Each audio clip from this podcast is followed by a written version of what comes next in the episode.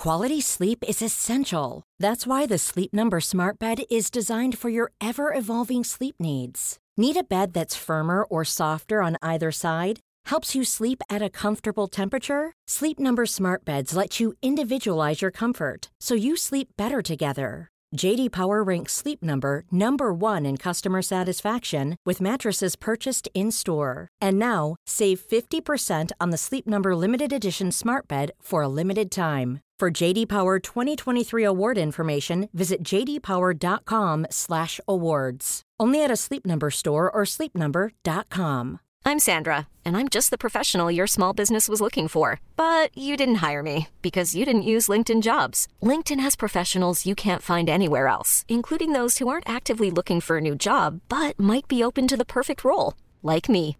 In a given month, over 70% of LinkedIn users don't visit other leading job sites. So if you're not looking on LinkedIn, you'll miss out on great candidates like Sandra. Start hiring professionals like a professional. Post your free job on linkedin.com/achieve today. Hey, it's Ryan Reynolds, and I'm here with Keith, co star of my upcoming film, If, only in theaters, May 17th. Do you want to tell people the big news? All right, I'll do it. Sign up now and you'll get unlimited for $15 a month in six months of Paramount Plus Essential Plan on us. Mintmobile.com slash switch. Upfront payment of $45 equivalent to $15 per month. Unlimited over 40 gigabytes per month. Face lower speeds. Videos at 480p. Active Mint customers by 531.24 get six months of Paramount Plus Essential Plan. Auto renews after six months. Offer ends May 31st, 2024. Separate Paramount Plus registration required. Terms and conditions apply if rated PG.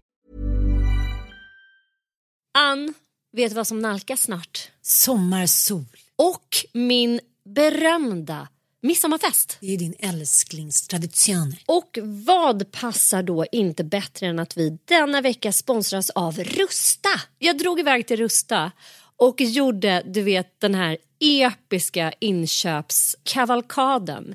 Alltså de har så mycket bord, stolar Dynlådor. och det roligaste av lampor. allt. Ja, lampor, mattor, där. Skatglittret. Gud vad man älskar det. För jag måste säga så här. Det spelar ingen roll hur fina möbler du har. Om du inte har lullullet, Mm. de fina ljusslingorna, ljusen, lyktorna, blommorna. Kuddarna, Nej, mattorna, precis. de det måste utemattor. spegla Ja. livet, det underbara livet. Hörni, gör som vi. Gå in på Rusta och botanisera bland alla deras helt fantastiska utemöbler och allt sortiment av det vi väljer att kalla skatglitter för din sommarfest.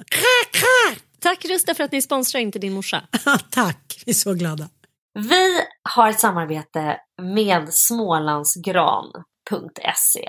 Precis, och du har ju fått din vackra utomhusgran och jag har fått min också så den ska vi klä här i hem nu. Jag har även fått alla fina kulor, julkulor och glitter och doftljus från Smålandsgran och By Benson som vår kompis då har eh, även ett litet inredningsföretag. Så man kan liksom få allt i ett när man går in på Smålandsgran. Redan när hon satte igång det här, hon var ju först bland hemkörarna. Nu i coronatider så har ju liksom alla hakat på det här. Men Anna var baske mig först med att förstå det extremt jobbiga i att gå och handla en julgran. Det kan ju vara mysigt eh, liksom, att gå till någon sån där julgransförsäljare men sen ska du hem med skiten. Gärna med ett par barn på släptåg och granar väger ju inte lite liksom. Och jag vet inte hur många, jag har haft sönder en barnvagn, två pulkor när jag ska försöka släpa hem granar. För barnen vill gärna ha stora, mäktiga granar också. Mamma med. Som är extremt tunga. Mm. Och sen ska man ha upp den här jäkeln och så ska man då få upp den i en gammal julgransfot som man har ärvt av sin eh, gamla farmor som inte står stadigt. Äh, det, det har varit ett litet jäkla helskotta varje år att få den där granen på plats. Tills smålandsgran.se dök upp och gjorde livet så mycket enklare för oss. De levererar nämligen granen raka spåret till din ytterdörr.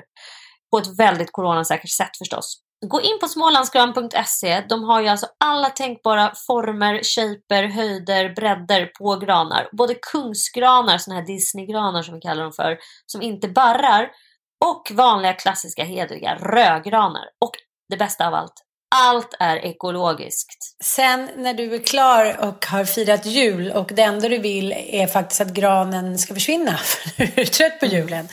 Då kommer Smålandsgran mot en, eh, såklart en liten peng och hämtar din gran. Och ser till att den hamnar på eh, En ekokyrkogård. Använd koden Ann och Sanna så får ni 100 kronor i rabatt på ett helt köp. God jul!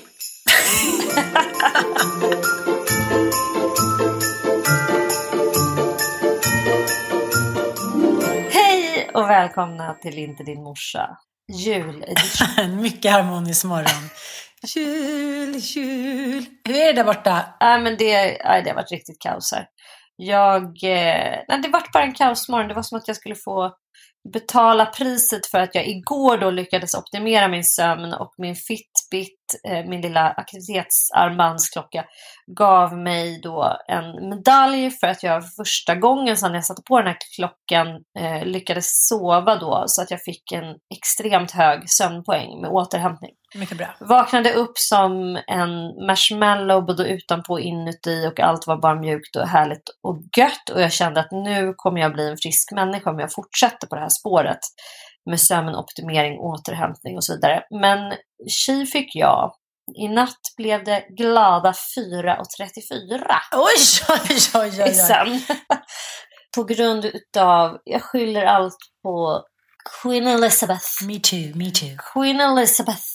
She's destroying my sleep. Yes, I know, I know. It's uh, Diana's Balmoral, fault. Balmoral Castle. Jag vill ju för fan bo... Alltså den här serien är ju ett mästerverk. Det är säkert... Nej, det är helt otroligt. Helt Ja men den är det. Jag började ju kolla på The Crown liksom när den kom och sen har det ju kommit då en säsong. Så har jag liksom väntat in den här säsongen för att jag gillar ju att sträckkolla grejer. Och jag älskar att göra det då när Micke är bortrest. Mm, hela tiden. då- så det, Ja, för ja, nu är, men då får jag liksom ta en, då är han borta i 14 dagar, då kan jag liksom sträckkolla en hel serie, alltså flera säsonger och sådär. Men då hade jag ju detta härliga The Crown-projekt framför mig under det här nu när han var borta. Jag har några avsnitt kvar på den här senaste säsongen. Och det var liksom omöjligt att stänga av när, när eh, klockan började närma sig midnatt. Så jag, jag köttade på till två. Kollade på Princess D mm. och hennes ätstörningar och hennes sorg. Vilken jävla sinnessjuk situation för en människa att gå från vanlig till kunglig. Jag bara tänker lite så här, dels, det blir så himla tydligt att hon är så otroligt ung och behöver på många, många sätt bekräftelse som vilken 18-19-åring som helst. Men, Hur gammal var hon inte? Bara 17 hon träffade honom till och med. men 16 var hon första gången eh, när han undrade om hon skulle hänga med hem till eh, Buckingham Palace. Hon sa- Balmoral. Ja, Ah. hon sa att det är lite svårt och, ehm, och förklara vad jag ska göra där. Men det som jag kan bli så jävla irriterad på i den här eh, i serien som också var i verkligheten är Dels så blir det ett sånt jävla högt spel att man så här, offrar någon så, så som de gjorde. De, så här, ja, men, de liksom kastade för fan henne åt hyenorna. Och det som jag tycker ändå är lite märkligt det är så här, ja men okej om Queen Ja, men om d- drottningmorden då inte hade fått välja liksom sin egna kärlek och följa sitt hjärtas väg, då kunde man förstå om hon skulle hålla på med sin förbannade pliktkänsla. Men nu när hon själv har fått göra det så tycker jag att det blir dubbelt svek. Förstår du vad jag menar? Ja men det här är också första säsongen. För jag säger bara så här spoiler alert till alla er som inte har sett den här serien. Men alltså jag menar ni vet ju vad den handlar om. Det, det, vi får följa drottning Elisabeth av Englands eller av, av brittiska imperiets då, eh, liv. Den, den är ju väldigt så här, trogen eh, biografin får man väl ändå lov att säga. De har ju verkligen bemödat sig om. Men det som är Eh, hon har ju, vad kan man säga, jag har fått väldigt varma känslor inför henne. Jag tyckte att hon är, Jag med. att det här är liksom så här, hennes eh, extrema så här, avhållsamhet från att lägga sig i, interfere with, alltså det enda hon gör det är ju bara att hon är. Mm. Hon, hon gör ingenting, hon tycker ingenting, hon har inga åsikter. Hon går liksom, utan hon följer bara så traditionen till punkt och pricka. Det är liksom det som hon ser som sitt livs- livsuppgift. Men nu i senaste säsongen så börjar man faktiskt ana en så ganska mörk, ganska hemsk sida av henne tycker jag. Mm, mm. Just att det där att så här, bara follow the tradition och liksom att hon är så jävla verklighetsfrånvänd så att det är obehagligt och hur de alla är det. Jag tycker också hur det är vidrigt när Diana kommer in och hon då ska, när, när hennes blivande fiancé så här, pekar på sin morsa och bara nej du måste ju niga inför drottningen ditt pucko typ. Ja men hela den situationen är så jävla makaber att så här, det är flera sådana flera sådana situationer i, i den här. Att nu har de blivit så självklar i sin drottningroll att hon liksom tycker att det är oförskämt när folk inte niger åt henne. Ah, ah, ah. Och när man inte liksom eh, följer hennes... Eh, I början var hon ju väldigt mänsklig på något sätt men nu har hon ju blivit den här liksom konstiga despoten på något sätt som bara förväntar sig underkastelse. Mm, mm. Och eh, det måste jag säga att hela den här familjen framstår ju helt plötsligt som ett gäng så här, eh, puckon. Först ska de vara lite folkliga, också samma sak när, när Margaret Thatcher är där på något besök på Balmoral och liksom bjuds in i lite så här samkvämsläge där, och inte förstår deras så här, Inhemska, typ. etiketter. Inhemska konstiga etiketter när de bara sitter och skojar och förlustar sig på Ja. det här jävla jaktslottet. Vidrig och- stil. vidrig stil och så här gör sig lite lustig över att, att hon inte har med sig liksom fritidsskor. För det är det man gör när man är på Balmoral. Där bara degar man loss och så här rullar runt i dirt. Alltså på riktigt, de gör ju verkligen det där. Ja, men jag vet. Men, men det där tycker jag också känns väldigt brittiskt. Att man ska säga, vara lite the bully. Att, Ja, lite the bully. Ja, det är så här helt ja. okej att vara och hela familjen är helt så här hon klarade inte testet typ. Ah, vissa gillar ju inte Balmoral och de jävlarna har vi typ, de har vi inget till övers för. Nej, nej. Alltså så extremt exkluderande och så här inskränkta. Och, ja, alltså jag, jag gillar ändå att de utvecklade den, den här säsongen till att få bli det. Att man faktiskt kan få tycka lite illa om kärringen också. Men eh, vi kan ju prata lite om Gillian Anderson. Hon har ju fått eh, både ris och ros faktiskt för sin roll som Margaret Thatcher. Just för att eh, det är hela tiden på gränsen till överspel, tycker ju många recensenter. Men att man ändå så här, sväljer det med hull och hår för att hon, eh, ja, hon gör det så jävla skickligt. Vad tycker du? Alltså jag älskar hennes tolkning av henne. Jag tycker också hon är helt fantastisk. Hon påminner ju naturligtvis lite om så här, The Muppet Show, du vet de här karikatyrerna som man har sett på Thatcher och liksom Ah. Eh, Så hon, hon gör ju liksom någon slags karikatyr själv av henne. Men samtidigt så får hon oss liksom alla att förstå vad den här typen av människa på något sätt alltså, både kan tillföra och dessutom så här. Eh, jag tycker det är sjukt snyggt skildrat. Jag, jag minns den här scenen när, när Margaret Thatcher kommer in på möte då med drottningen och pratar om fiender har och då säger Margaret Thatcher, liksom så här, för drottningen, i drottningens värld så är det liksom så här, ett big no-no, man ska inte ha några fiender, liksom keep your enemy close typ, och liksom att man ska så här, man ska inte skapa några eh, ytor av konflikt som gör att man behöver ha några fiender.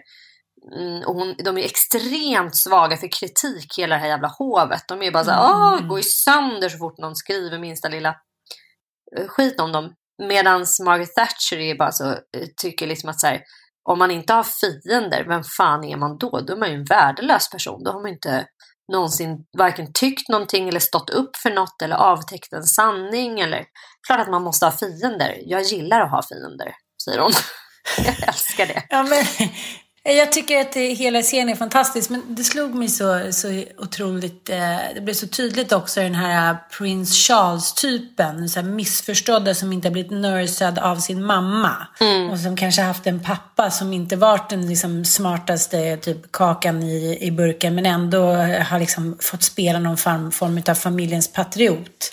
Och eh, jag fick bara så här backflash till när jag var tillsammans med mitt eh, XXX, han, eh, ja, den inte helt genomsnälle mannen. Just den här äh, sättet de liksom nosar till sig en osäkerhet eller ett behov. Och sen liksom trycker de till precis när det liksom tar som mest. Han hade ju sagt till Diana så här, ah, you look, look a little bit chubby. Och när man är så 18-19 år och någon säger det och en hel värld riktar ögonen mot en, då kan ju det vara startskottet för, ja men som i det här fallet, bulimi. Men jag kommer ihåg att den här då killen som jag var ihop med, eh, han hade åkt före då, han jobbade på en affärstidning och de var i Cannes eh, under midsommar. Och jag kom dit, eh, vägde typ 32 kilo. För allting är också så eh, subtilt. Man tänker ju inte på så här, att man bantar någonting. Men, men det man gör är ju att det finns ju dels ingen fettrik mat hemma. Och sen när man ser sin partner hela tiden ta på ett litet obefintligt fettveck på magen och hela tiden vara besatt av sin kropp. Det är inte så att man själv ligger på kammaren och så här svullar chips. Eller jag gjorde inte det i alla fall. Ah, så kom jag dit i alla fall eh, några dagar senare och eh, du vet den här stämningen när man kommer dit. Att han är så här, inte särskilt välkomnande utan bara ligger på sitt hotellrum helt slut och bara, ah, vi var uppe till klockan halv sex typ. Och man bara så här vibbar av att det är någon tjej där på jobbet som han har en liten flört med. Och man bara känner sig som den liksom sämsta jävla människan i hela världen. Mm. Och jag kommer ihåg på kvällen, så här, men då skulle han gå iväg på någon egen grej. Så att jag typ gick iväg med hans två chefer som så här, tyckte jättesynd om mig eh, på någon så här, tillställning. Och han var med den där andra tjejen lite grann. Och bara den där känslan av att man inte vet vad som har hänt. Att man kommer och är som ut, liksom utanförskap. Och att den här personen njuter av att den har makten och att man är i underläge. Du vet, jag hatar den personlighetstypen så jävla ja, mycket. men också så här, att han typ, han straff, han använder ju henne och straffar Ja. henne för någonting som han Alltså han, för er som inte har sett så här, han är lack för han får inte gifta sig med Camilla, Mm. vad heter hon, Parker Bowles. För hon har varit gift tidigare. Och det går inte kungahuset med på. Utan han måste har gifta sig med en oskuld. Ja men de har, en ganska, de har ju en etablerad kärleksrelation. Och hade ju, om, det inte hade varit för att föräldrarna liksom, nej det här går inte med på. Då hade han ju gift sig med henne. Ja, Han är ju för fan gift med bättre. henne nu. Efter Ja. Dianas död så fick han ju gifta sig med henne. Och då hade allting blivit så mycket bättre. Framförallt för prinsessan Diana då som blir en, ett så här lamm till slakt. Det är ju verkligen så jävla sjukt hur hon så här offras. Att så här, henne kan vi typ använda som slagpåse. Hon är inte med i den här innersta kretsen. Liksom. Ah, nej men det är hemskt. Det är helt, helt vedervärdigt. Sen är det klart att i följderna av det här så har ju hon mått skitdåligt och eh, extrem psykisk ohälsa och ätstörningar hit och dit. Och Charles säger att han har försökt hjälpa henne under åren men hon har vägrat. Men jag vet inte, med den där starten på sitt så här, liv som princess så kanske man inte är så himla förlåtande heller. Jag vet inte. det är också det att hon är så ung och sen, så, sen får hon ju den här känslan av att hon så här känner sig dum för att hon liksom har gått med på Alltså hon blir så hänförd över att få gifta sig med den här prinsen och liksom gå med på det och sen så är hon ju så jävla förd bakom ljuset för hon har ingen aning om att han har en jävla relation med Camilla Parker Bowles. Nej men vi, vi, ska inte, vi ska inte spoila för mycket men se den här serien, ni som inte har gjort det, ni har liksom världens julgodis framför er. Jag måste bara eh, ställa en sista fråga. Varför Mm. har de inte sex i den här serien? Har det varit en enda kärleksscen? Ja, det har det. Med eh, Margaret. Ja, just det, med Margaret. Alltså, då var det ju väl, hon var ju väldigt crazy bananas där i början när hon spelades av. In, innan rollen togs över av Helena Bonham Carter så var ju Precis. hon extremt utlevande med den här fotografen och det var mycket är det. 60-talssex och mycket kul. Mycket Mm. snask. Men eh, drottningen har vi ju ej fått se i underkläder om man säger så. så jävla tråkig klädsel, jag orkar Mm, inte. fy fan vilken tråkig. Men det är Ah. också väldigt roligt, så här, inte för att man ska diagnostisera personer. eh, Ja, jag tänkte så för att vi skulle prata ändå. om det. Som jävla Asperger alltså. Oj, oj, Ja, men det är oj. så mycket Asperger över henne, eller liksom någon form av autismspektrum. Liksom. Ja, för att ja. hon, hon har ju verkligen så här, knappt ett... Eh, och just nu att hon ska så här, hon, hon börjar förstå att Margaret Thatcher har liksom en kärleksfull relation till sin, till sin son framförallt då, som är hennes favoritbarn och hon inte skäms Mm. över att uttrycka sig så heller. Men blir liksom helt jävla förkrossad och klarar inte av att sköta rikets business bara för att hennes son har liksom kört vilse i någon jävla öken i något rally. Och eh, då blir liksom drottningen helt så här, aha, borde man typ ha en sån känslomässig relation till sina barn? Liksom? Och då bjuder hon in var och en av dem på någon liten lunch för att liksom visa sin, sin mod, moderlighet. Alltså det är så stelt och så roligt, eh, så jävla roligt gestaltat faktiskt. Mm. Visst, tänk, tänk dig själv, man, det är inte utan att man känner igen sig lite grann. Hon har fyra barn, ja du har visserligen fem, men jag har fyra. Så ska vi Ja. sitta så där när vi är så här 50 plus och bjuda våra barn på lunch och så här, sitta på det här viset. Det är så jävla otänkbart alltså. det är ingen som sitter med den typ tre minuter, kommer aldrig vara det. Man bara, ha. Du okay. är nog, alltså du är, det finns nog ingen kvinna på jorden som är eh, Queen, drottning Elisabeths raka motsats lika mycket som du. det är nog sant. Men det har varit lite mysigt tycker jag. Så här, nu har vi, eh, vi har inte fått bekräftad corona, men allting tyder ju på det. Mm. Och eh, då ska ju barnen också varit hemma, så de har ju också varit hemma liksom i sex dagar. Och eh, det är ganska intressant, eh, apropå, jag, jag, tänker på de här dokumentärerna och liknande. Kommer du ihåg de där barnen i New York som typ hölls instängda i så 15 år?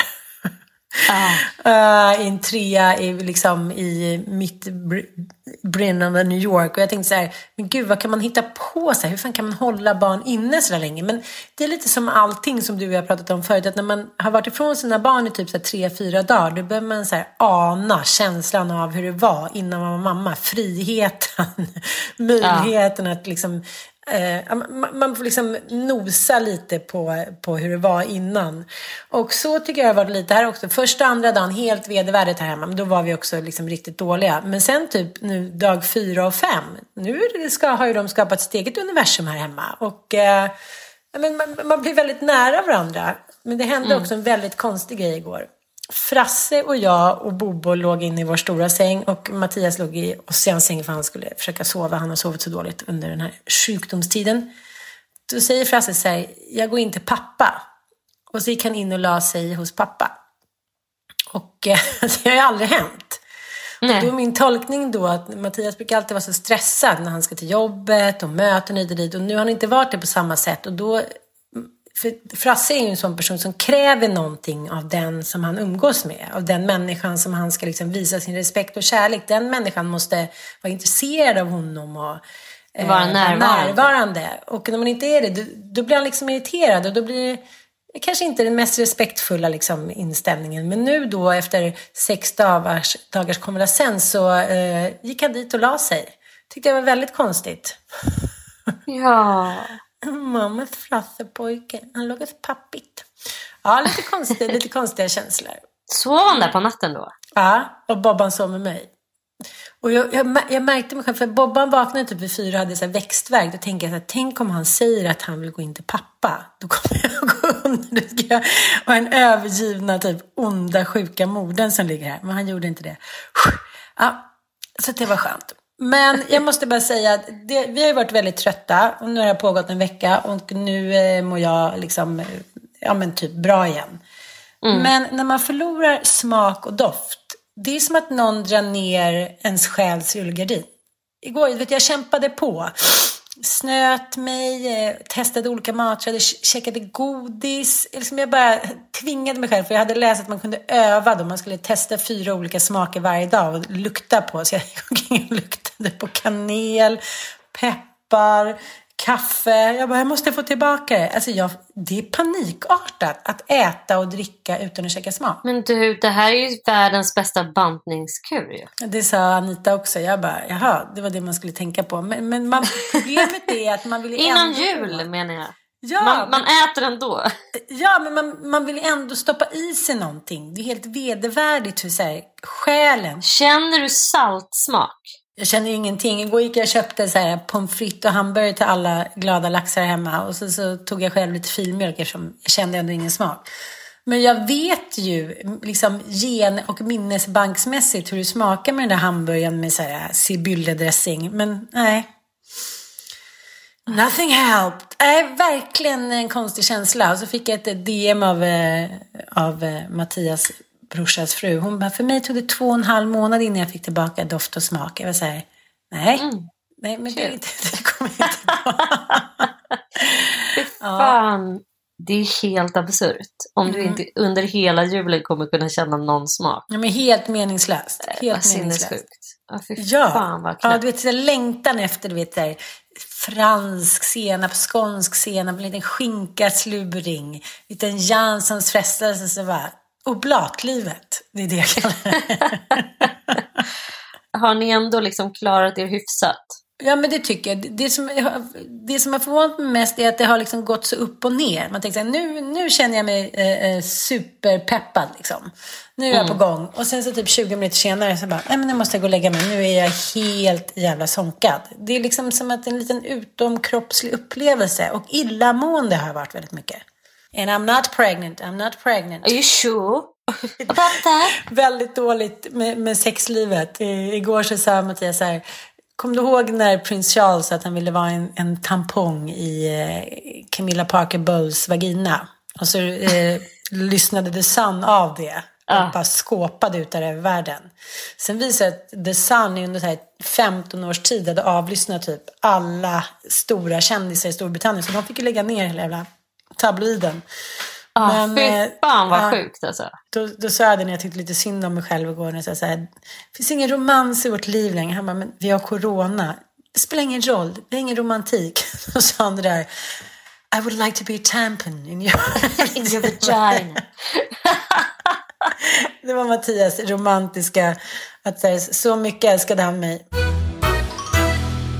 har ett underbart samarbete med SOSbarnbyar.se. En barnrättsorganisation som jobbar för att stötta barn runt om i hela världen. Hur många ställen arbetar de på, Ann? De eh, finns på plats i över 136 länder och eh, du och jag har ju själva rest med och för SOS Barnbyar. Jag har varit i Sydafrika. Mm, jag har varit i Nepal. Och jag måste säga att det, jag har sett är helt fantastiskt. Och eh, det är just de här barnbyarna som du och jag har besökt. Och eh, Nej, det är verkligen helt fantastiskt det jobbet de gör. Men det kanske inte alla vet är att de fokuserar kanske ännu mer just nu på familjestärkande program. Så att eh, de ger då stöd till familjer för att de ska kunna hålla ihop. Och återförena barn med sina biologiska föräldrar så långt det är möjligt. Precis. De gör ett fantastiskt arbete nu i pandemitider och de har ett tema inför julen som jag tycker är så fantastiskt och som mm. jag tycker är så spännande också att prata med sina egna barn om självklarheter. Vad är självklart för oss och vad är självklart för barn, eh, för mina barn och, för dina barn, men eh, absolut inte självklart för barn runt om i utsatta delar av världen. Alltså att få en julklapp på julaftonsmorgon, att vakna upp i en renbäddad säng, att få en kram när man behöver det. Mm ha mat över dagen och tak över huvudet och en skola att gå till. Precis. Tyvärr är det så att pandemin har skickat oss tillbaka liksom 30 år i åretiden, så den extrema fattigdomen har ökat i världen under det här året. Det är verkligen dags att göra någonting åt det. Så jag rekommenderar er att gå in på ssbarnbyar.se, ge en julgåva eller swisha en gåva rätt upp och ner till 922,96. Precis, och eh, för att knyta an då till temat som vi pratade om, självklarheter. Och eh, jag tycker att det borde vara självklart för alla barn att få växa upp i ett tryggt hem. Nu är det miljontals barn över hela världen som inte gör det. Så att eh, tillsammans med Hemköp eh, så har de en kampanj då att man kan baka pepparkakshem och tagga det i sina sociala medier så skänker Hemköp 50 kronor per taggad bild. Så baka loss nu för att fler barn ska få uppleva den här självklarheten att ha ett tryggt hem. Ja, men förstår ni vilken ultimat insamling det här är? Du bakar precis som du skulle ha gjort i alla fall. Tar en bild på det, hashtaggar pepparkakshem. Så skänker då Hemköp åt dig kan man säga 50 kronor till SS Barnbyar. Hur bra som helst. Så bra. God jul! God jul!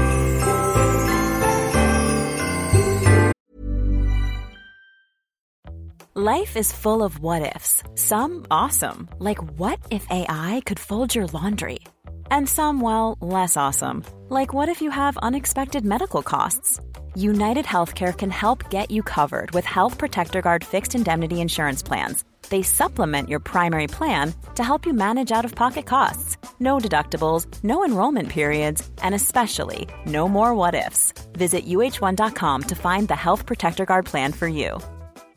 This is Paige, the co-host of Giggly Squad, and I want to tell you about a company that I've been loving, Olive and June. Olive and June gives you everything that you need for a salon quality manicure in one box. And if you break it down, it really comes out to $2 a manicure, which is absolutely insane. It's also so easy to get salon worthy nails at home with Olive and June. The difference between how your nails used to look when you did them yourself and now with the Manny system is a complete game changer. The best thing about Olive and June too is it's a quick dry, dries in about one minute, lasts for five days, and full coverage in up to one to two coats. Visit oliveandjune.com slash perfectmanny20 for 20% off your first system. That's oliveandjune.com slash perfectmanny20 for 20% off your first system. Here's a cool fact a crocodile can't stick out its tongue. Another cool fact you can get short term health insurance for a month or just under a year in some states.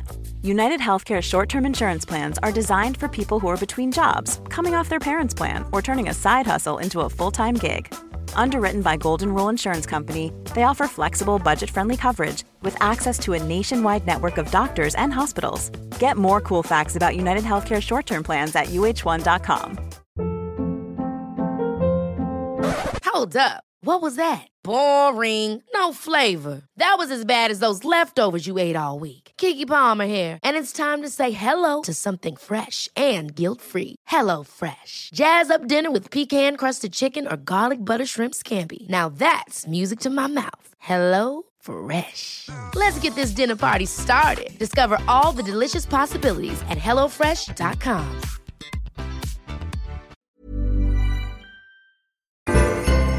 Okej, nu måste vi prata om min pappa Köris lite grann. Vad har hänt med Köris? Han ska flytta tillbaka till Katrineholm. Är det slut med hans girlfriend? De ska ju försöka, men... eh, liksom, nu måste jag säga så här att min pappa har blivit ganska mycket sämre senaste åren. Dels för att han har problem med någon artär som vilken sekund som helst eh, vara liksom, eh, vad ska jag säga, eh, kan gå av på grund av att han har fått hjärtsvikt och eh, ja. Har han och- brock på aortan? Precis. Ja. Så att han har ju, och så har han problem med ena foten, så han har väldigt svårt att gå. Så att han har ju mest legat där på Lide Parade och blivit servad av sin flickvän Rosie då. Men jag tycker att han är liksom, jag måste säga att eh, ja, det finns väl någon eh, Asperger autismspektra där också. Mixad med ADHD och lite allt möjligt. Men nej, då har han eh, nu bestämt sig för att den 15 januari ska han flytta tillbaka till Katrineholm för att han är uttråkad. Mhm. Vadå uttråkad på relationen, eller uttråkad på livet i coronaöken eller uttråkad på liksom att eh, vara Nej, en... men lite allt, lite allt möjligt tror jag det är. Att de kanske inte liksom har lite samma intresse. Och så här. Jag bara, men pappa, ingen har samma intresse som du har. Ditt intresse är att käka så här korvasluringar och kolla på olika så här, sportprogram 24-7. Vem ska kunna ha det intresset? Det... Det är svårt att krä- avkräva det av en flickvän i hans ålder tror jag. Ja, ja. Så att nu har han då bokat liksom eh, flytt. Flyttbil och ska då flytta in i lägenheten bredvid den han flyttade ifrån. Alltså trappuppgången bredvid. Okej, så han, han hade sagt upp sitt eh, kon- lägenhetskontrakt och nu har han då fått ett nytt. Så pass lätt går det att få en lägenhet i Katrineholm med andra ord. Ja. Good to know! Jag menar det är inte långt till Katrineholm med tåg till Stockholm. Men eh, jag vet inte, jag är bara liksom eh, fascinerad angående på det där att, eh, som jag pratade med Ad- Am- Amelia Adam om, just det här att man inte kan få allt av en och samma person. Mm. Och eh, det var väldigt roligt att prata med henne för hon var så här, men det går ju inte att kräva. Man, man får liksom, eh, vad är det som gör en lycklig? Ja, det är om någon liksom älskar en och tar hand om en och eh, är lite het att kolla på. Man kan inte kräva att alla ska liksom ha exakt samma intresse och eh, ha exakt samma intellekt och vilja exakt samma grej som en själv. Men Men jag tänker väl också så här med äldre människor. Eh, jag som ändå har en hel del erfarenhet via både hemtjänst och äldreboenden och sådär. ja, Att liksom det som händer med oss ju äldre vi blir, det är ju att så här, för det första om vi har levt ensamma under en period i livet, vilket ju din pappa har. Mm. Och har man lärt sig bemästra då rädslan för ensamhet, rädslan för att inte klara sig, rädslan för att liksom gå under utan att vara ett eh, vi och sådär. Har, har man kommit över det, då är det jävligt, alltså då har man ju vunnit en typ av frihet som väldigt få personer då eh, har lärt sig att bemästra. De, många som jag, jag satt och tänkte på det igår, jag pratade med vår kära goa vän Margita som liksom så här, om du tittar på dig själv Ann, hur många månader under ditt vuxna liv har du inte varit i relation? Väldigt få alltså. Ja, det gäller mig också. Jag menar, jag hade mellan Ville och Micke hade jag liksom åtta månader. Och sen kan jag slå mig själv för bröstet att jag liksom levde särbo med Micke och hade väldigt mycket av ett ensamt liv och vi har haft långa uppehåll i vår relation och sådär. Men jag har ju alltid varit helt och hållet ockuperad rent liksom attraktionsmässigt av honom och varit helt säker på något sätt att det ändå är vi. Mm, mm. Så att liksom, nej, jag har inte lärt mig bemästra den ensamheten. Och jag har liksom en hand, handfull vänner som har det. Och de har ju liksom, de har ju väldigt svårt att gå in i relation. Och jag tror inte det handlar om att de är så här relationsfobiska eller har svårt med relationer och behöver gå i terapi för det. Utan jag tror snarare att det handlar om att så här, om du har liksom fått smaka på frihet och att få styra ditt eget liv och vara liksom oberoende Mm. så blir det väl jävligt svårt att helt plötsligt så här, det vet jag att mamma sa, hon bara, men gud tror du att jag vill bli ihop med någon så här 40-talistgubbe? Som så här, knappt kan sätta på en, en diskmaskin eller koka ett ägg. Liksom. Jag vet ju, det är den typen av män som jag har att om jag inte ska gå ner väldigt mycket i åldrarna, för hon levde ju ensam sina sista 15 år i livet. Och det var ju såhär, men gud ska du inte träffa någon? Och hon bara, äh, det räcker för mig att dejta dem några gånger. Sen är jag bara såhär, men gud, nej, nej, nej, jag vill inte gå vidare. Då är det liksom, de har speciella små rutiner och de måste gå och skita på vissa tider för de är dåliga i magen. Ja, men du vet, det är saker som man bara känner såhär, nej tack, jag vill inte veta liksom. Jag vill inte, jag vill inte liksom ta hand om någon mer. Mm, mm. Punkt slut. Nej, men jag fattar. Kan det vara en sån grej? Att din pappa också känner så här, han har haft det rätt gött. Han kom på det. Men, nej, men gud, jag har klarat mig ganska bra där i Katrineholm själv. Nej, men jag tror också att det handlar om att han känner ingen. Han, han är väldigt... Han har ju väldigt mycket kompisar, Köris. Som bor i Katrineholm? Ja, liksom, han har ju bott där hela sitt liv fram och tillbaka. Så han har liksom, det är hovan och nu dog i och för sig eh, hans, eh, han var på begravning här eh, för några dagar sedan, hans bästa kompis som också var hans chef. Så att, men han har, liksom, han har sina rutiner, han går ner och köper liksom han går dit och han, det är, liksom, han lämnar in tipset och det är sultan går han ner och tar en fika. Han gillar liksom, han är en sån jävla rutinmänniska så att det är helt otroligt. Aldrig träffat något liknande. Jag har ju tyvärr inte fått någonting av det. Men jag tror... Och tanta Loran, hon vill inte flytta till honom? Nej, men jag tror inte ens att han har frågat liksom. Men, eh, men tanken är väl att de ska försöka hålla ihop på avstånd. Liksom. Men hon har ju sina barn där och sin hund och Nej, det kommer inte. Så här, varför, bara... de kan, vad fan, tror du inte att de kan bara så träffas? Och, det var en jättemysig människa som ringde till Karlavagnen. Hon var ju så här 75 och, och hade varit änka i 11 år och så hade hon precis då så fått kontakt med sin gamla sweet, sweetheart love, liksom. vad heter det? Ungdomskärlek. Mm. Och eh, hon bara, nej men det här, det är så underbart. Vi är så förälskade. Och vi är ute och vi, nej men vi bor ju inte ihop och det där behöver man inte hålla på och dela. Utan det vi gör det är att vi ses en helg i månaden och då blir det åka av. Då blir det åka av. Då blir det mys. Åk. och, och då menar hon bara rent bokstavligt, alltså, hon hade lite humor tanten. Vi åker bil, vi älskar att åka bilturer. Vi, vi, vi ses på halva vägen och sen åker vi, hoppar vi över i varandras bilar och sen så har vi det bara liksom riktigt trevligt och åker runt på olika utflykter och, och, och stannar och bor över och har det så mysigt tycker jag lät skitbra. Men tror att det kan ha att göra med att alltså, min far har ju liksom aldrig förstått, eh, om, om jag ska vara helt ärlig, hur bra han har det. Mm. Och sen är det som att han blir lite liksom tagen på sängen då. Eh, när kvinnorna då efter x antal år tycker att han liksom har varit en oromantisk skitstövel eh, de sista åren. Liksom.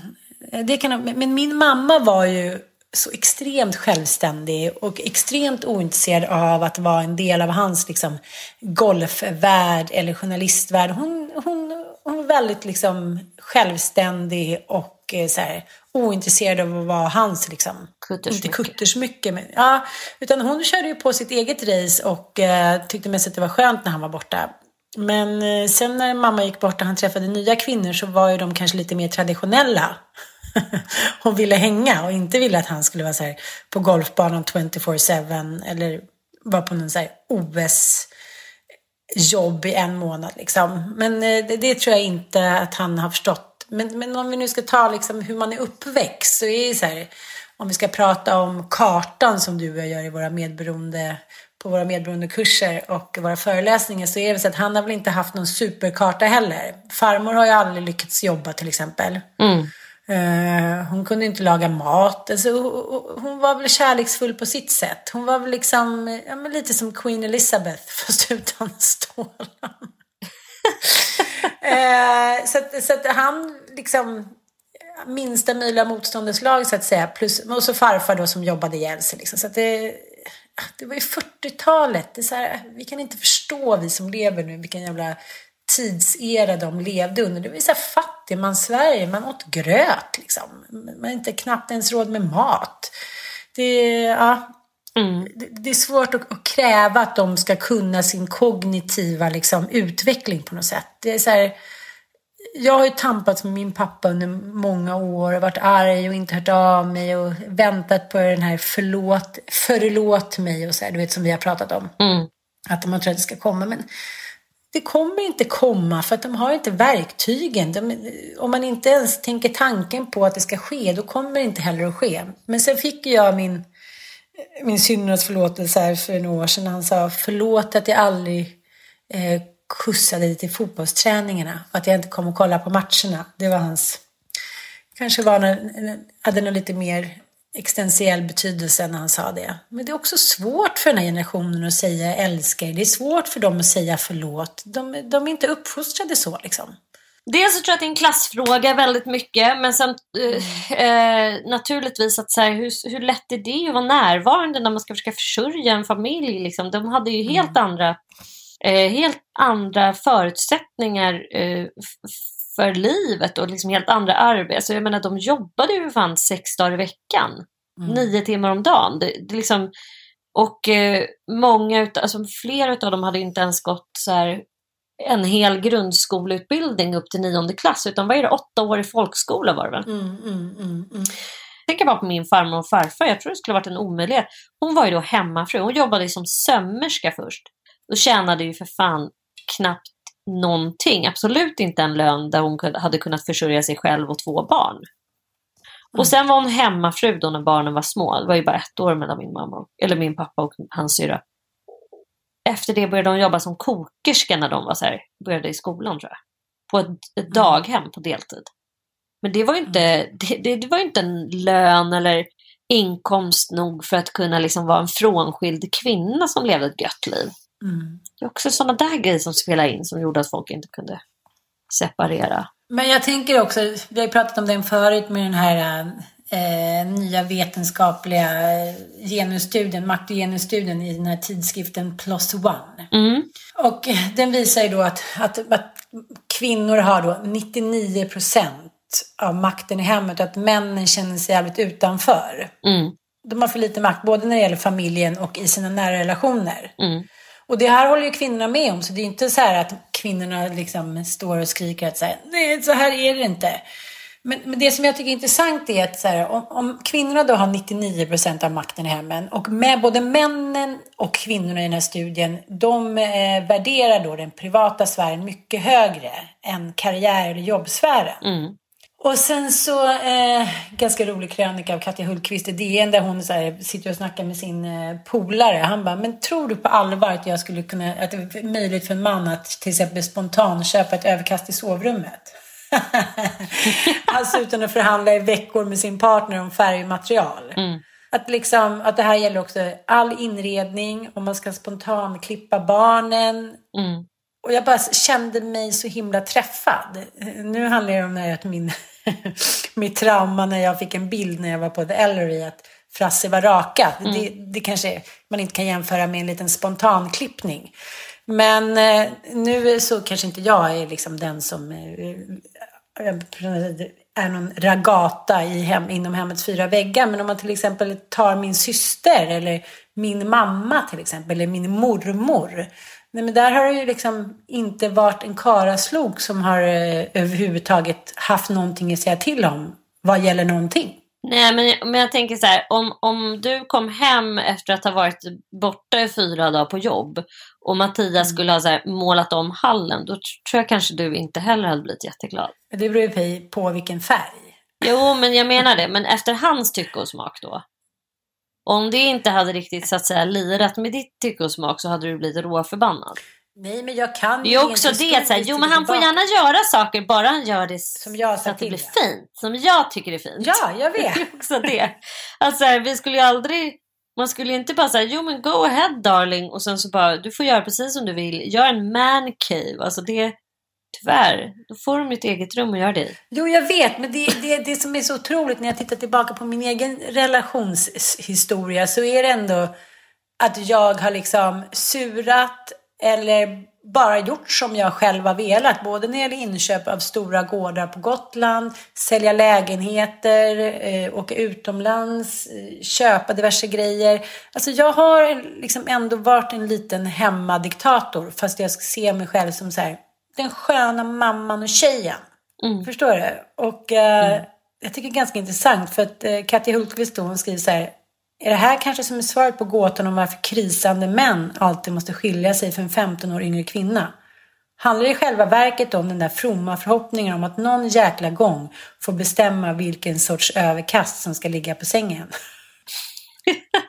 Och jag- det, och det, det, det är ju väldigt generaliserat och liksom en enkel psykologisk förklaring. En enkel, ja. Ja, Men det är, klart, det är klart att det kan ligga någonting i det och framförallt blir man ju återigen trött på det väldigt ensidiga perspektivet som vi har fått väldigt så här, eh, skriket i ansiktet på oss under många år. Så här, kvinnan, den ofrivilliga projektledaren, vi som får så mycket extra jobb, det är inte så konstigt att vi bränner ut oss eftersom vi måste ta allt ansvar i hemmet. Så bara, jo fast du, vi kan ju också se det ur ett annat perspektiv, att du faktiskt har all makt och kontroll över hemmet också. Så är det bara av ondo, eh, om man nu tycker att det är en sån jävla betungande arbetsbörda, låt den andra kliva in och hålla sin standard och sin nivå och sin, liksom, sitt tycke och sin smak. Mm. Men det är det ganska få tror jag, i alla fall om jag, nu ska inte jag generalisera ut, ut efter min egen bekantskapskrets. Jo, det gör jag i alla fall. Jag kostar på mig det. Det är högst ovetenskapligt. Men eh, det är ändå så att om jag tittar på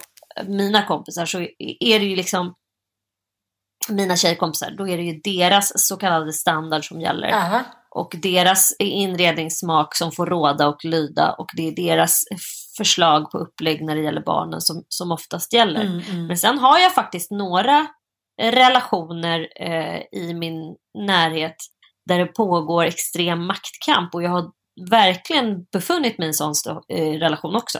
Mm. Jag och Ville. Mm. Han var ju verkligen, vad ska man säga, kvinnlig på det sättet. Jag flyttade ju in i en lägenhet på Maria Prästgårdsgata som han och Josefin hade inrett. Mm. Och Josefin har ju en väldigt utpräglad stil. Färgglad smak. Kitschig smak. Ja, hon har ju, men den är ju skitcool. Men det är ju verkligen en så här pop art, liksom Jag skulle nog ha svårt att leva med i små den. plastfigur. Ja, men hon, till exempel så hade ju hon målat då, och den här stilen var ju då blandad med Villes stil. Och Ville ha, hade ju en mer så traditionell, han är ju uppvuxen du vet, så här, med sin gamla mamma och pappa som med så adliga anor och liksom gamla släktbyråer och, Ja. och liksom så här, ganska traditionstung inredning. Mm. Den mixen görs ju inte helt bra liksom. Om man säger så. Nej, men, men jag tänker att... Så, så i hans hem där jag flyttade in, då var det bland annat ett knallrött sovrum. Alltså tomterött. Äh, fan vad Hela väggarna var tomteröda. Och det kände jag bara så här, kan vi inte bara ta bort det här? Och han var ju också en person som inte ville göra om saker. Nej. Han ville ha det liksom, han var en konservativ person och det är han ju fortfarande i mångt och mycket. Liksom. Han vill inte gärna flytta på sig, han vill inte gärna liksom förändring är inte hans pryl. Och han, bara för att få honom då att måla om, gå med på att måla om det här sovrummet, det var ju en galenskapsgrej. Eller att få honom att gå med på att jag i alla fall skulle få sätta lite prägel på det här hemmet när jag flyttade in. Och vi hade ett sånt jävla megabråk, kommer jag ihåg.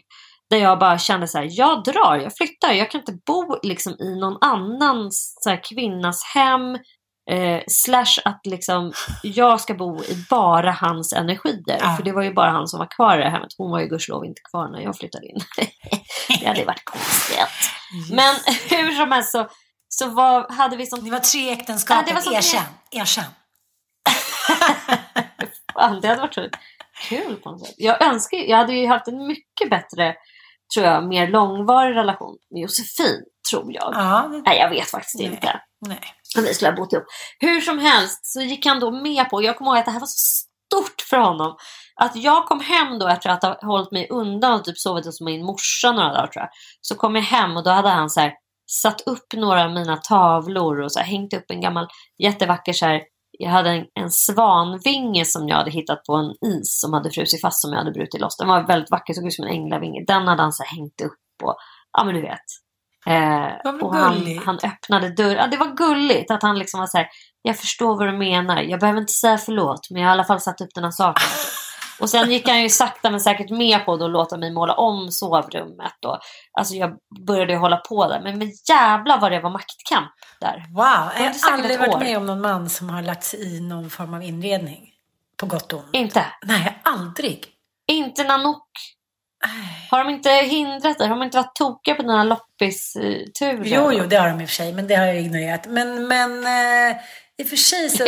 Johan Reuterpling, min, min första kille som jag träffade då när jag var 20, eh, och som hade då en, en eh, ganska fashionabel lägenhet i Mälarhöjden med havsutsikt. Han var mäklare då som nu. Han hade ju liksom, ja men ganska alltså, fina möbler.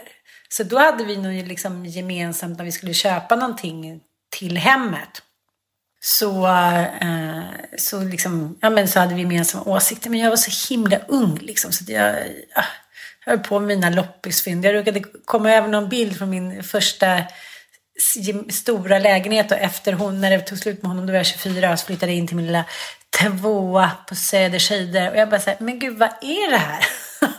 Jävla loppisskandal. När kom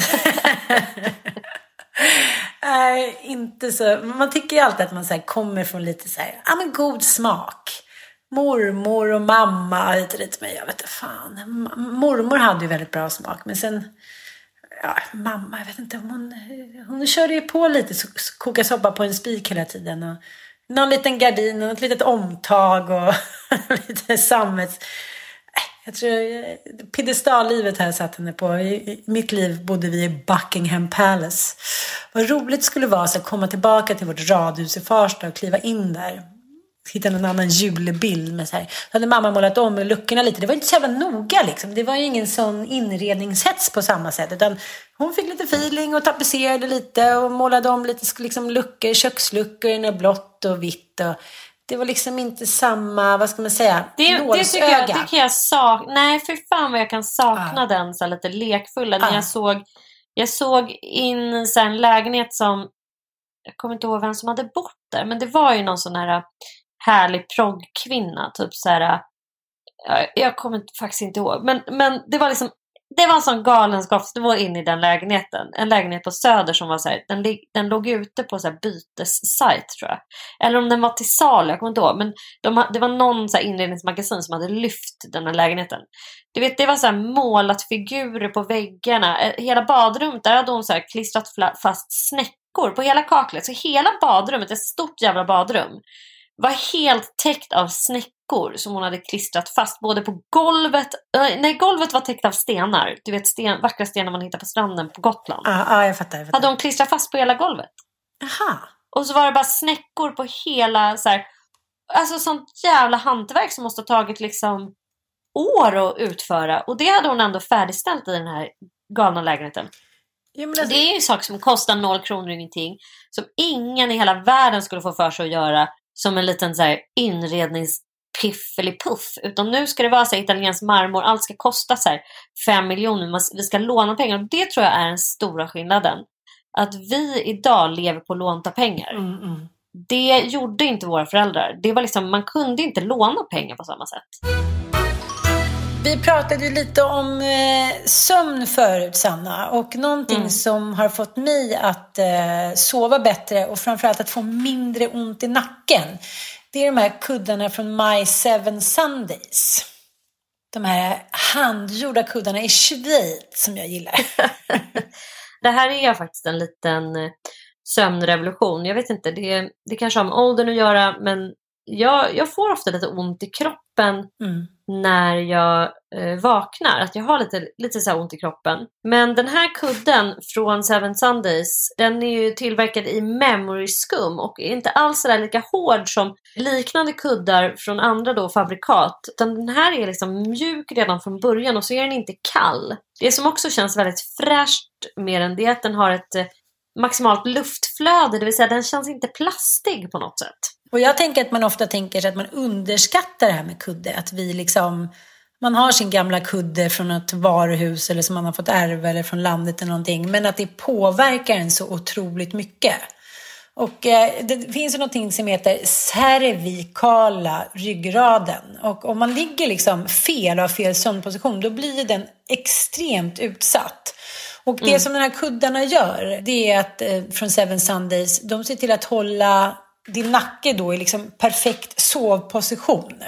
Och eh, det är då efter någon ortopedisk precision som de här eh, forskarna i Schweiz då har kommit på. Så att, eh, jag måste säga det är en väldigt fin julklapp och den kommer i en eh, fin tygpåse med lite emblem och så här. Så att du behöver inte ens slå in den. Och eh, har du en kompis eller en älskandes eller en förälder eller någonting som du tycker ska behöva sova lite bättre även till dig själv så kan du använda koden inte din morsa så får du alltså 30% rabatt på de här kuddarna. Ni går in på my7sundays.se och då stavas det alltså my7sundays.se. In där, köp en kudde till den du älskar eller till dig själv i julklapp.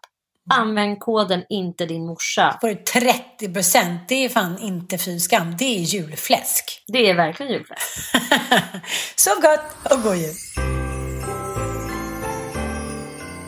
Ja, för att avsluta den här podden då så går jag tillbaka till eh, den royalistiska, vad ska man säga, ja, vad ska man säga, det, det är någon liten eh, besatthet tycker jag, som eh, på något sätt, hela världen verkar vara, efter The Crown så är det så här, rent historiskt också ett jävligt smart sätt att eh, utbilda eh, hela världen i Englands historia. Men eh, jag tänker lite att det har ju varit inte så högt i tak i det, det engelska kungahuset, om man säger så, för eh, skandaler och liknande. Men det har ju däremot varit i det norska kungahuset. Och jag är fascinerad av eh, eh, Märta Louise och eh, hennes shaman. Och nu säger jag inte shaman bara för så här, på ett roligt eller så här, nedlåtande sätt. Han är shaman hennes nya snubbe. Ja. Ja, och eh, nu har de precis varit med i Vanity Fair och pratat ut om sin relation. Shaman Durek heter han. Och eh, de har ju haft en liten turné då som heter Prinsessan och Shamanen, vilket då har lett till att eh, hennes föräldrar då, Hakon och Sonja har sagt "Epp, epp, epp, epp, du får inte använda din kungliga titel in, in, i, i såna här, ska vi säga, kommersiella tillfällen. Mm. Mm, men ja, det har ju varit en ganska tragisk resa för henne. Eh, med Ari Ben som hon var tillsammans med, som då framstod som, eh, ja, vad ska man säga, en sällsam kaka i burken. Men om man jämför... Ja men man kan väl säga som så här att hon startade ju upp där med att gifta sig med Ari Ben som ju Ben, eh, ja. var författare och han var ju en bad boy Mm. kan man säga. Het. Verkligen så här Het. het, Mm. eh, tokig, galen författare som gillade att festa och så här, var en womanizer utan dess like och ja, verkligen inte så här, eh, vad heter det, pojkvänsmaterial egentligen för en prinsessa. Eh, men alltså hela norska kungahuset har ju ändå gått lite, jag menar det är samma sak med prins Hakon, han gifte, heter han inte det? Jo. Alltså han som är kronprins Mm. som gifte sig med Mette-Marit som ju hade barn sedan tidigare och hade liksom levt något så här lite kokain, eh, kok, kok, koksliv. Ja, ja. Så. Mm.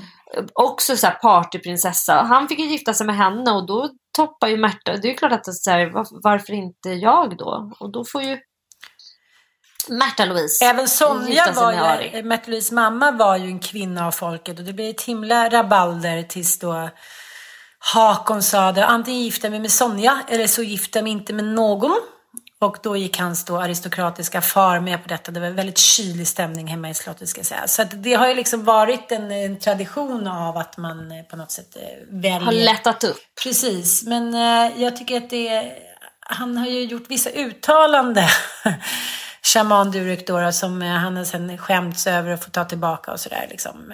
Vad, har, vad är det för typ av Ja, men han, är, ja, men han har tyckt ja, men allt från... Eh, de, de kommunicerar via, via eh, Instagram ju. Mm.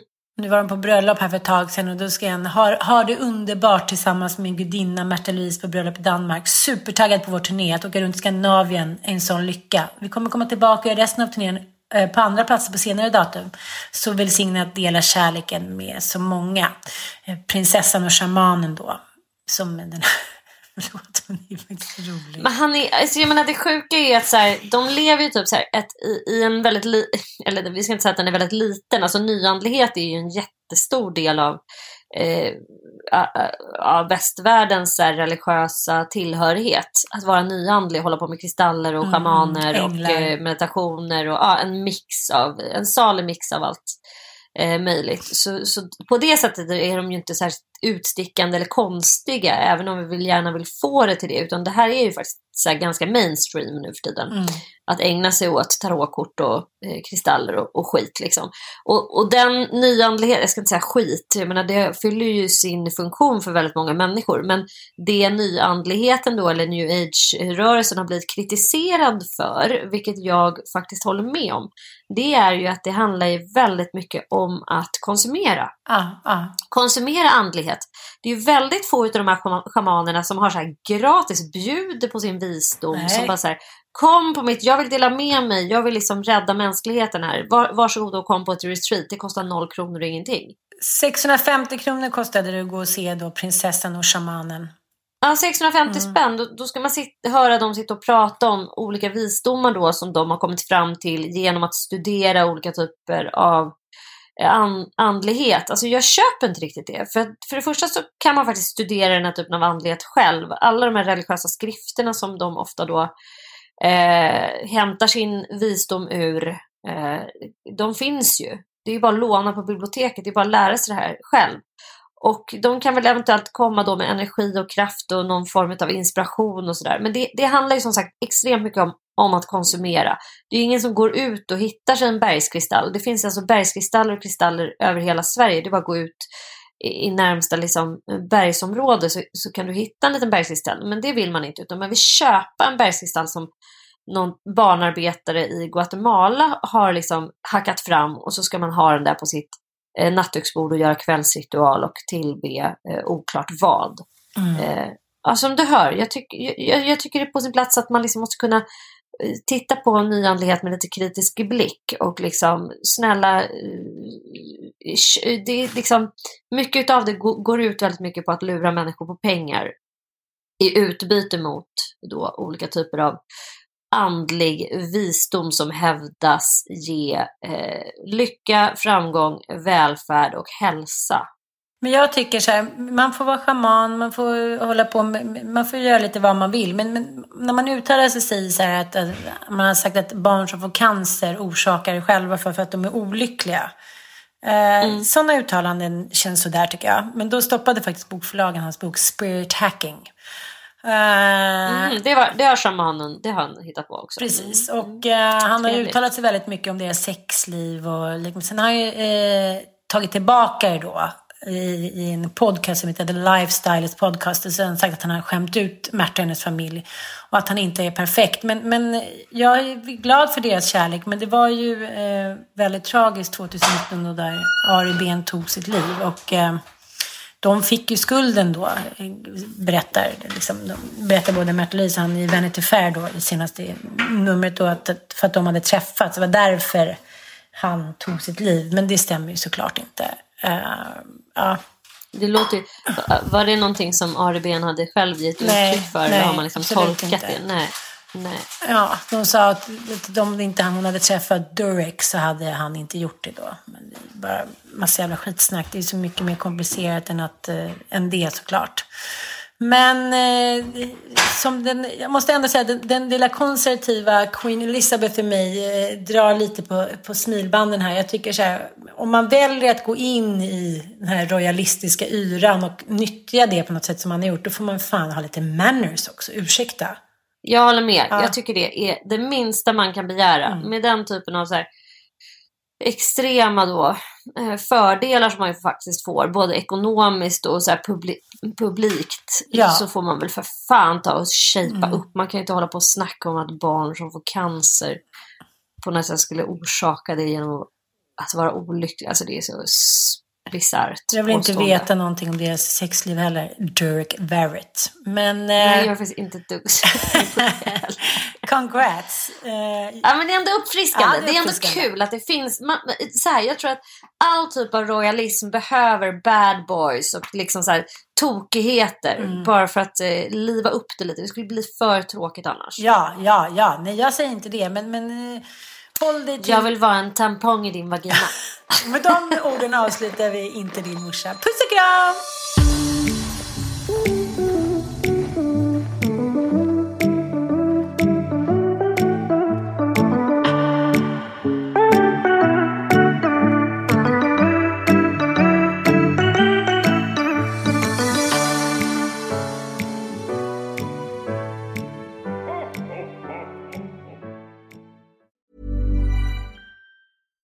Catch yourself eating the same flavorless dinner three days in a row? Dreaming of something better? Well, HelloFresh is your guilt-free dream come true, baby. It's me, Kiki Palmer. Let's wake up those taste buds with hot, juicy pecan-crusted chicken or garlic butter shrimp scampi. Mm. Hello Fresh.